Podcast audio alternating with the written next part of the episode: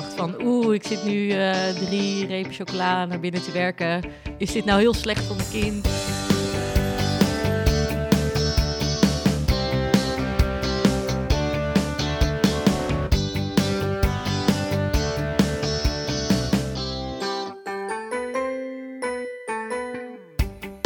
Week 25 van jouw zwangerschapsweek, de podcast van 24baby.nl. Leuk dat je weer luistert. Het is een aflevering met luchtigheid, maar ook zwaarte. Want we gaan van dolle verhalen over babymoons naar depressieve gevoelens tijdens je zwangerschap. Maartje deelt haar verhaal. Het zijn gedachten, maar die zijn vooral, in ieder geval, ik had er vooral uh, als ik alleen was last van. Wel even een waarschuwing vooraf. In deze aflevering komen dus heftige onderwerpen, zoals zelfmoordgedachten aan bod. Mocht je nou worstelen met dat soort gedachten, weet dan dat je altijd het nummer 0800 0113 van zelfmoordpreventie kunt bellen. 24 uur per dag bereikbaar. Eerst trouwens nog even dit. Deze aflevering wordt mede mogelijk gemaakt door EHBO Bureau. Want als je denkt aan de komst van je kindje, dan verheug je je natuurlijk vooral op alle leuke dingen. Maar een goede voorbereiding voor noodsituaties is belangrijker dan je denkt. Met een cursus van EHBO-bureau leer je tijdens de zwangerschap alvast wat je moet doen als jouw kindje zich later bezeert, verslikt of bijvoorbeeld dreigt te stikken omdat hij een speeltje in zijn mond stopt. Ja, die dingen gebeuren helaas echt. Een cursus geeft je zelfvertrouwen en zorgt ervoor dat je kalm blijft als het ooit nodig is. EHBO-bureau komt speciaal naar je huis. Een gecertificeerd instructeur leert jou, je partner en bijvoorbeeld familie of vrienden wat je moet doen bij een ongeval met je baby. Kijk voor meer informatie op ehbobureau.nl slash 24baby. En dan nu echt op naar de podcast. Hallo allemaal. Hallo. Hallo. Hallo. Hoi. Ja hoor, hij loopt. Hey, we gaan het over heel veel dingen hebben. Natuurlijk hoe het met de baby gaat. Ehm, ook over psychische problemen en de zwangerschap en de babymoon. Maar Diede, ik wilde eerst even weten hoe het met jou gaat en hoe de ehm, suikertest is geweest. Want die moest jij deze week. Ja, klopt. Ja, nee, het gaat met mij hartstikke goed. Ehm, de suikertest was iets minder. ja, nou, ik heb van de week een suikertest gedaan. En dan, dan mag je dus niet eten of drinken van tevoren. Misschien mag wel wat drinken, maar nou ja, dat doe je dan niet zoveel. En dan uh, ga je naar het ziekenhuis en dan uh, word je eerst nog leeg getrokken, want dan moet je eerst bloed af, afgeven. En dan krijg je een soort van ja, ik beschrijf het als vijf sportdrankjes in, in een geconcentreerde vorm, zeg maar. Zoveel suiker binnen. Ja, dan word je gewoon helemaal... Hoe smaakt het dan? Ja, het smaakt echt naar een sportdrankje. Maar is het toch lekker? Ja, ik vind suiker heel lekker en ik vind zoet heel lekker. Maar dit was zo geconcentreerd en zo rijk aan suiker. Je dacht echt, nou, dit heb ik nog nooit. Ik heb nog nooit zoveel suiker in één klap op. En ik eet veel suiker. Weet je krijgt er spontaan suikerziekte van. Nou, ik kreeg er, ja, ik werd er echt niet goed van. Nee, maar ik werd er ook echt niet goed oh. van. Dus weet je, dan ga je dan, dan moet je daarna aan de tafel zitten en dan zit je tussen allemaal mensen. En dat, dat zat naast de kantine, dus iedereen zat daar lekker te eten. En en je mag dan en dus aan de niet koffie eten. en aan de thee. En ik, ik je mag niks eten, toch? Nee, en ik zat daar weg te kwijnen, want je voelt je helemaal, je voelt je helemaal akelig worden. Hmm. Nou, dan moet je volgens mij een uur wachten. Ik ben het alweer vergeten. Moet je volgens mij een uur wachten. En dan uh, moet je weer bloed afgeven. Dan moet je weer een uur wachten. En dan moet je weer bloed afgeven. Maar ja, dat, eh, ja je zit gewoon in de tussentijd ja, in het ziekenhuis. En uh, ja, dat is niet een hele innoverende plek. Had je niet een podcast om te luisteren? Of, Ja, ik had ehm, uh, ik had wel iets opgezet op mijn, uh, op mijn telefoon, dus ik kon wel lekker gewoon iets wegkijken. En ze hebben op zich wel hele lekkere banken daar. En ik ben ook echt weggegaan van de broodjes kaas die daar werden gegeten. Ja. maar uh, ja, het is gewoon helemaal ruk.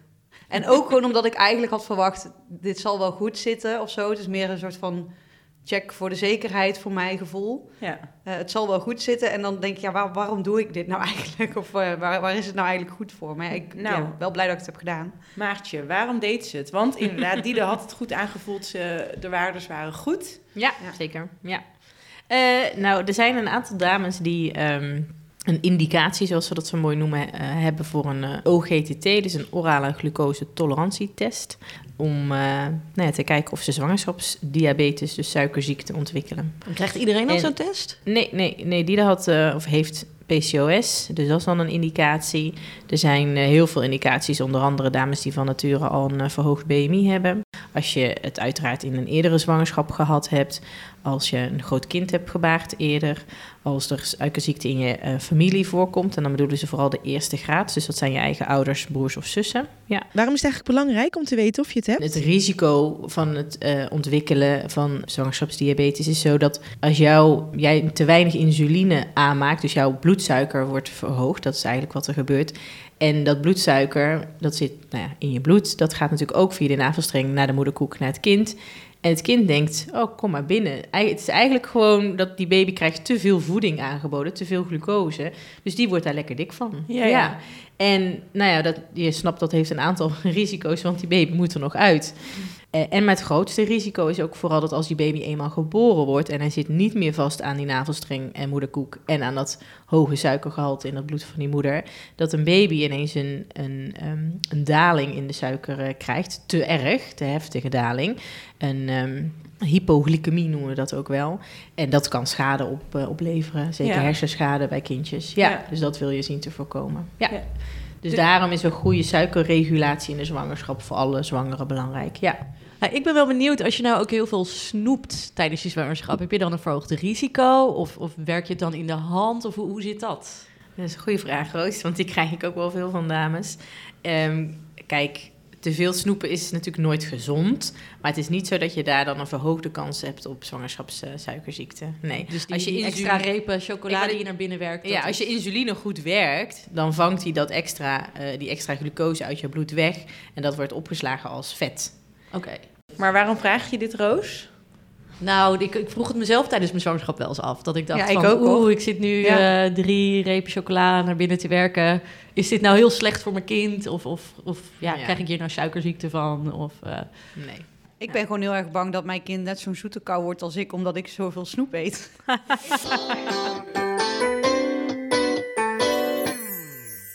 Even iets heel anders. Jij was eh, onlangs lekker op vakantie naar Sevilla, was het toch? Eh Valencia. Vale- oh, sorry, die haal ik Ja. altijd door elkaar. Ja. Je had nog veel meer vakanties. Ja, eh, Parijs komt er nog aan, een weekendje met een vriendinnetje. En, en een week daarna ga ik nog naar Vlieland. Dus ik heb, ik heb een goede week voor de boeg. Zie jij dit ook echt als baby moons? Hè? Zo, dat is zo, weer zo'n term, komt van honeymoon, Nou. baby moon. Nog even op vakantie voordat de baby er is. Nou, zo zie ik het niet. Maar achteraf, als ik nu naar Valencia kijk, denk ik... ja, dit was wel mijn laatste zonvakantie, zon, zee, strand en stadvakantie... zonder eh, zorgen, eigenlijk, op die alleen, manier. alleen kon je geen sangria drinken. Eigenlijk moet je een pre-zwanger... Ja, jammer dat je nooit weet wanneer je zwanger wordt. Anders Ja. kan, je een pre, je nog één keer in de lamp houden. Ja, als ik het echt goed had kunnen timen, dan had ik nog wel, eh, dan had ik nog wel eventjes eh, de bloemetjes buiten gezet op een vakantie of zo. Maar nee, dat, ja, dus dat is wel heel erg jammer. Maar ik verwacht dat, het, eh, dat Parijs mij niet teleurstelt en dat het alsnog een heel leuke trip gaat worden. Ja, Dus, ga je er misschien iets bewuster van genieten. Van ja, dat denk ik zelf wel. bepalen hoe laat je uit bed gaat en dat soort dingen. Ja, ja, weet je, je hebt gewoon eh, een weekend zonder zorgen. Je bent gewoon lekker, lekker met een vriendinnetje en je gaat gewoon le- eh, lekker rondstruinen als alles dat toelaat, zeg maar. Maar eh, ja, daar heb ik wel echt heel veel zin in. Leuk. Maar ik, heel even hoor, want we, we plakken er nu wel echt de stempel op van je leven is over als je eenmaal een kind hebt. ik heb toevallig ook gewoon een, een schoonzus, die kinderen zijn al wel iets ouder, die denkt, joh, weet je, ik laat de kinderen gewoon een week bij papa thuis. Nou, ik en ook- ik ga met een vriendin lekker naar Griekenland. Ik heb me dat wel echt Dus- voorgenomen. Ik heb alleen Ja. nu, ik heb nog niks dat ik met Daan, want ik ga nu met een vriendinnetje. Daan die blijft heel zielig en alleen achter. Dat vindt hij zelf ook heel erg zielig en alleen. Eh, en de- een week daarna gaan we met vrienden naar Vlieland. Dus ga ik ook niet alleen met Daan. Ja. Dus dat mis ik nu wel een beetje. Maar ik heb ook echt wel met Daan afgesproken. En ik hoop dat we ons daar daaraan kunnen houden. Maar dat we in ieder geval elk jaar een weekend naar een, s- gewoon een citytrip gaan doen. Want Ja. het is eigenlijk wat we het allerleukst vinden. Hmm. Dus ja, dan eh, dumpen we inderdaad eh, het kind eh, ergens. En eh, dan gaan wij eventjes de hort op. Maar ja, dat En, moet je ook daar doen. heb ik ook echt zin in. Ja, Ja. Als ik je ergens een tip mag geven, is dat ook... eh, ja, tenminste, de meeste relaties hebben dat ook wel even nodig. Gewoon even één op één Ja. tijd. Ja, Ja. zeker. En hebben jullie baby moons gehad in jullie eh, zwangerschap, Roos en Maartje? Wij hebben de cruciale fout gemaakt om nog in de 37e week een weekje weg te boeken. Dat ik dacht, ach, weet je, ik word toch wel eh, 41 weken. Maar nee. Toen was je al bevallen. Toen was ik al bevallen. Ja, letterlijk op de dag dat wij eh, zeg maar zouden inchecken eh, bij eh, het ehm, eh, vakantiepark. eh, checkten wij in, in, het, in het ziekenhuis, ja. Dat is net niet een vakantiepark helaas. Nee, nee, we kregen wel roomservice en zo Oh van ja, de kraamverzorgster.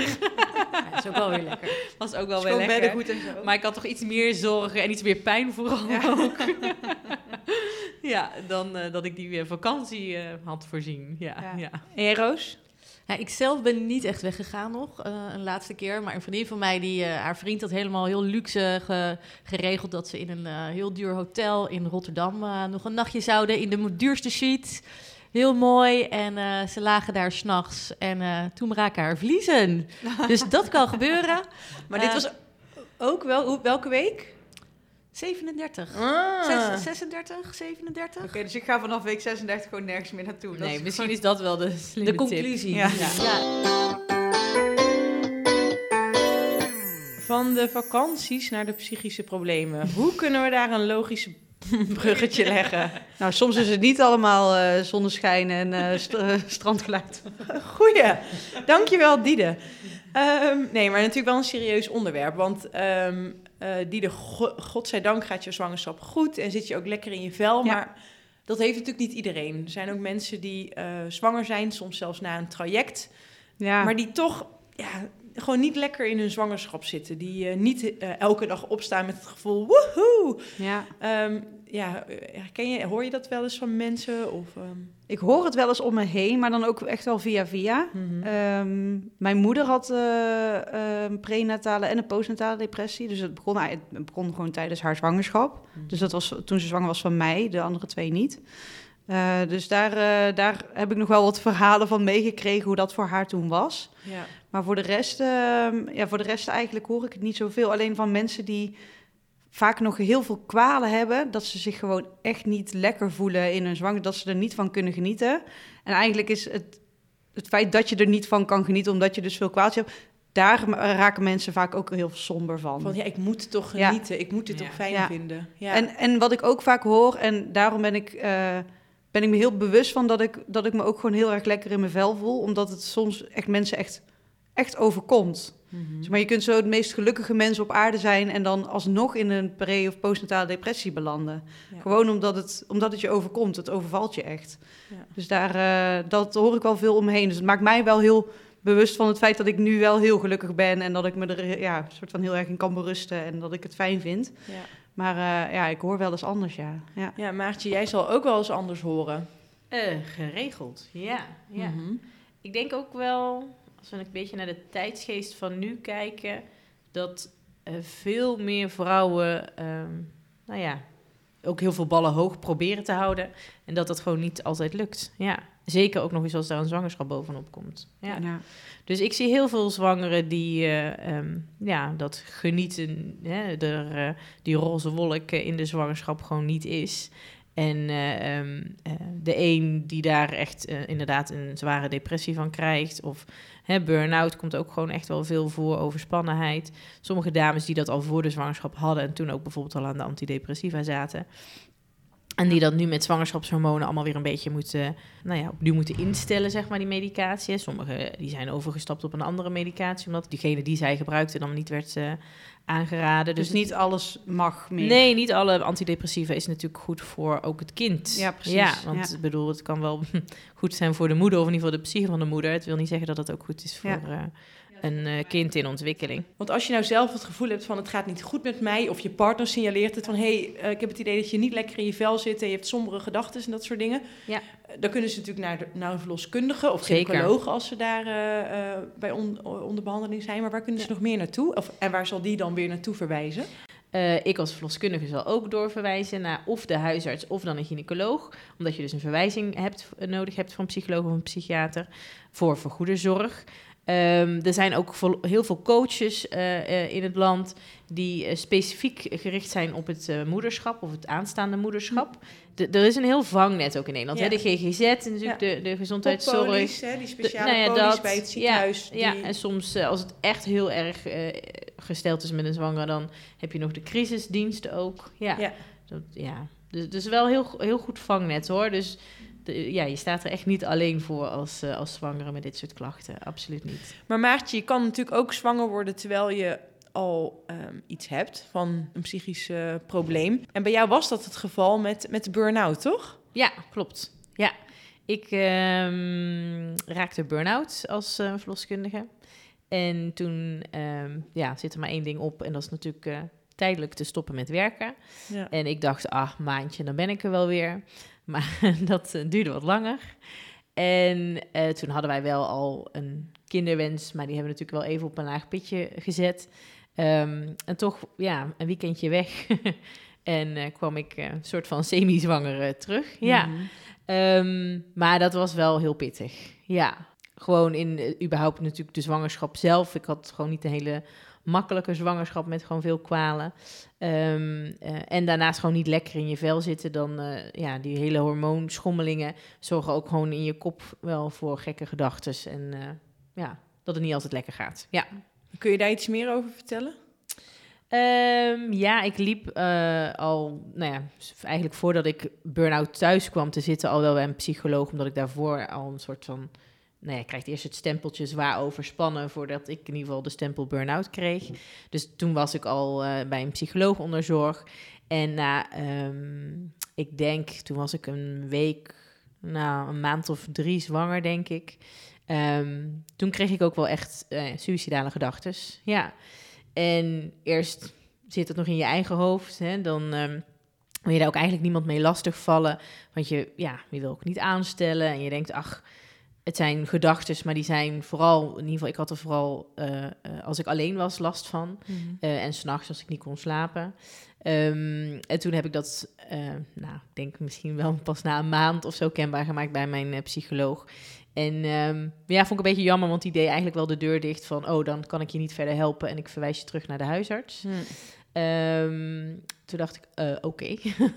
dus nou, terug eh, bij de huisarts. En toen ik, ja, werd verwezen naar de huisarts, moest ik natuurlijk ook mijn partner wel meenemen in dit verhaal. Ja. En eh, nou, die schrok daar natuurlijk heel erg van. Ehm, eh, die is ook met mij meegegaan naar de huisarts. Dat wilde ik zelf ook heel graag. Omdat ik dacht, met z'n tweeën hoor je toch meer. En hij wilde het ook heel graag, omdat ik ja, dingen toch wel een beetje bagitaliseerde. En Mhm. hij had wel zoiets van, ik wil wel dat ze geholpen wordt. En dat Ja. ze niet daar aan tafel Een het schone schijn gaat juist spelen. rooskleuriger voordoet dan dat het eigenlijk met haar gaat. Ja. Dus ehm, samen naar de huisarts geweest. En die heeft me toen uiteindelijk eh, doorverwezen naar een, eh, een GZ-psycholoog. En eh, daar ehm, nou ja, ben ik terechtgekomen. En ja, achteraf zat ik daar ook niet helemaal op mijn plek. Ehm, want ik kreeg eigenlijk handvatten om ja, met het leven te dealen. Die juist als je zo diep in de put zit, eigenlijk helemaal geen energie voor hebt om dat, om dat soort dingen aan te pakken. Dus ik, ja, ik had daar niet zo heel veel hulp eh, eh, van. En ja, toen ik bij 36 weken met verlof ging, toen zei ze ook, nou dan zie ik je wel weer als je straks aan het werk gaat. Alsof dan al die burn-out klachten en sombere gedachten weg zijn. Nou, ik had ook zoiets, ehm, ik ga met verlof, ja, omdat ik 36 weken zwanger Ja. ben en er staat een bevalling op de stoep. Maar ik dacht, die burn-out is volgens mij niet echt nee, met verlof. precies. Nee, Nee. precies. Ehm, toen kwam ik sowieso mijn zwangerschap wel echt in een, in een, in een rollercoaster. Omdat ik hè, eh, ehm, zwangerschapsvergiftiging heb gekregen. eh, daar vroegtijdig voor ben ingeleid. En uiteindelijk een spoedkeizersnede heb gehad. Dus ik ben... eh, nou, ik was bij 36,5 weken ineens moeder. Mhm.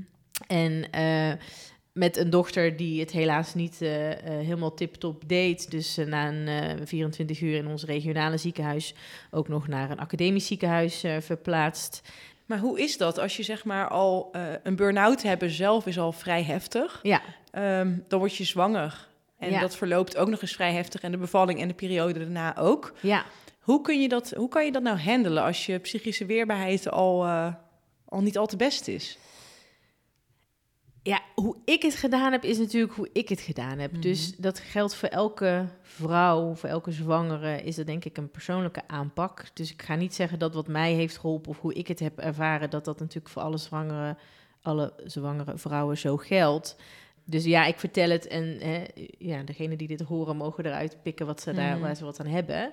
Eh, ik denk dat het sowieso helpt om het niet eh, alleen te willen oplossen. Dus hoe moeilijk het soms ook is, bespreek wel je gevoelens, je gedachten met nou ja, de mensen die het meest na eh, staan. Want het kostte jou een maand om die suïcidale gedachten te, te delen. Want ja, dat vond je blijkbaar wel moeilijk. vond ik heel moeilijk. Ja, omdat ik dacht, ja, maar ik ben nu toch zwanger en ik heb die wens toch al een poosje om zwanger te worden. En eh, ik word straks moeder. En kijk, ik werk natuurlijk zelf als verloskundige, dus ik zie wat voor iets moois dat hè, gaat opleveren, eh, opleveren. En ehm, ja, ik zal niet zeggen dat ik mezelf vond dat ik mezelf aanstelde, maar ik wilde het niet, zeg maar. En je ik- voelde je schuldig over die gedachte. Ja, dat. Ja. Ja. En, eh, en ook omdat ik had die natuurlijk niet 24/7. Ik bedoel, dan als ik een dag of een nacht goed geslapen had, dan had ik een dag waarop ik wel weer zeg maar de gelukspuntjes kon zien. Maar ik had ook genoeg dagen dat ik, eh, nou ja, gewoon niks waard was. Ja, los van het feit dat je zwanger bent, heb je ook in burn-out hè, eh, dagen dat je gewoon letterlijk niks waard bent. Ja. Ja. En ehm, dus ik, ja, ik vond dat heel lastig om, ehm, om te delen. Uiteindelijk toen ik dat ging delen, toen dat voelde echt wel als een opluchting. Ja. Alleen al om het met mijn partner besproken te hebben. Ja. Ehm, en ehm, en nou ja, met de psycholoog dan. Die Ja, wel dus dat hulp is wel ook... Dus Ja. naast te delen met, met sommige mensen om je heen... raad je denk ik mensen ook wel aan om echt hulp in te schakelen. Ja, zeker. Ja, Ja, ja. Dat. En ik denk ook als je het eenmaal gedeeld hebt, Mhm. dat ook iedereen voor je klaar, tenminste iedereen, de mensen met wie je deelt, Mhm. ook voor je klaarstaan om je zeg maar eh, eh, te helpen. Ja. Hey, en hoe is het verder gegaan na die eh, eh, heftige bevalling en heftige start? Ja. En hoe, hoe is het vooral met jou psychisch verder gegaan daarna? Ja, ehm, nou heel bizar eigenlijk, of bijzonder misschien ook wel. Toen ik eenmaal bevallen was, want ik kan me nog heel goed herinneren, ik zat zes weken na mijn bevalling op nakontrole bij de gynaecoloog. ehm, om nou, natuurlijk nou, over die bevalling ook te praten. En ook wel even het stukje psyche werd wel aangestipt. En ik zal niet zeggen dat mijn burn-out was weg, maar ik had wel een soort andere drive gekregen. Want ik was ineens een moeder met, nou ja, ik zag daar een, hulp, eh, een hulpeloos babytje in bed liggen, wat ook nog eens wel eens op mij leek, zeg maar.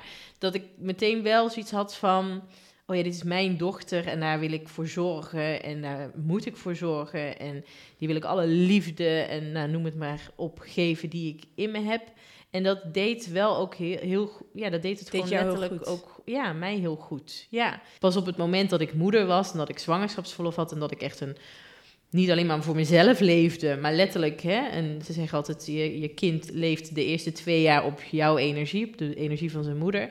Eh, toen had ik pas echt een, voor mezelf een legitieme reden om te zeggen, oh ja, ik mag, ik mag thuis zitten. Ja. En thuis zitten. Dus zo heeft je dochter jou toch ook geholpen. Zeker, ja, ja. Ik denk, door haar ben ik er ook uitgekomen zoals ik er nu ben uitgekomen. En ja, ja, ja. Mooi. zeker, ja. Bedankt dat je dit verhaal ook deelt. Eh, Mhm. ehm, hoe is dat voor jou? Je weet nu dat heel veel mensen dit gaan, gaan horen. Ja. Ehm, hoe bedoel je, hoe is het voor mij? Maar ja, vind je dat spannend of vind je het juist ook heel belangrijk? Doe je dit om een reden? Ehm, aan de ene kant natuurlijk vind ik dat wel spannend. Heel veel mensen kennen mijn naasten, kennen natuurlijk mijn verhaal ook wel. Ik denk dat het ook goed is om dit verhaal te delen, zodat ook vrouwen weten van je staat er niet alleen voor. Ehm, we hebben het nog helemaal niet over de baby gehad. De baby Ja, in de week baby. 25. Zeker, ja, ongeveer zo'n eh, 700 eh, gram eh, zwaar en, eh, en 32 centimeter. Ik zeg allemaal ongeveer, hè, want je hebt natuurlijk alle variaties daarbinnen We mogelijk. moeten natuurlijk naar Roos kijken om te weten hoe groot het precies is. Want die weet Ja, altijd hoeveel groente waar. of fruit het is. Wel, ja. Ja, het is zo groot als bleekselderij, maar dat klinkt heel dun, maar zeg maar met lang met de bladeren er nog aan, of de, de stengels, eh, de hele Ja. stengels en de knol, ja. Ja. Ik denk echt alleen maar dat past toch niet. Nee, maar hij, ligt ook, hij of zij ligt ook opgevouwen. Hè. Ja. Bleekselderij is niet zo heel bleekselderij. Maar nu als ik zo naar mijn buik kijk en als ik ook denk hoe, hoe snel de baby groeit en ook straks wordt, wordt de baby ook een stuk zwaarder, dan denk ik echt, het, pa- het past gewoon niet meer. Weet je? Ik voel de baby ook steeds vaker bijvoorbeeld draaien of Ja. wurmen. Of dat, Ja. ja. je voelt dat steeds beter. Ja. Heeft ook weer te maken met de spierspanning. Ja, ik eh, las ook ergens inderdaad eh, dat de, eh, de baby gaat ook echt vuistjes maken doordat de spierspanning toeneemt. Oh, fijn. En dat ga, je, nou ja, dat ga je natuurlijk ook veel meer voelen als hij aan het boksen is. ja, dan als hij liefkozend aan de binnenkant aait. Ja. Ja. Zijn er nog andere leuke dingen over de baby? Of moeten we die gewoon even lekker de baby laten? Eh, nee, ja, wat dat betreft is week 25 vrij saai. Oké, nou hopelijk is er in week 26 weer. maar dat is ook goed, hè? Hoe saaier, hoe beter. Inderdaad, Ja. inderdaad.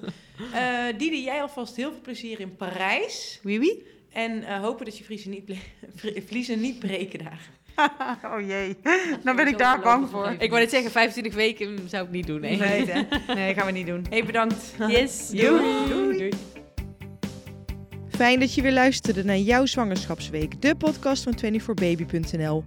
Volgende week, in week 26, hebben we het onder andere over de grootste schaamkwalen. Dat je zo op maandagochtend uh, aankwam op je werk en dat je zei, nou dit weekend was echt een, ru een ruft weekend. Dat en nog veel meer hoor je in week 26. Je vindt hem op 24baby.nl, Spotify, Apple Podcast en alle andere podcastplatforms. Vergeet vooral niet je te abonneren.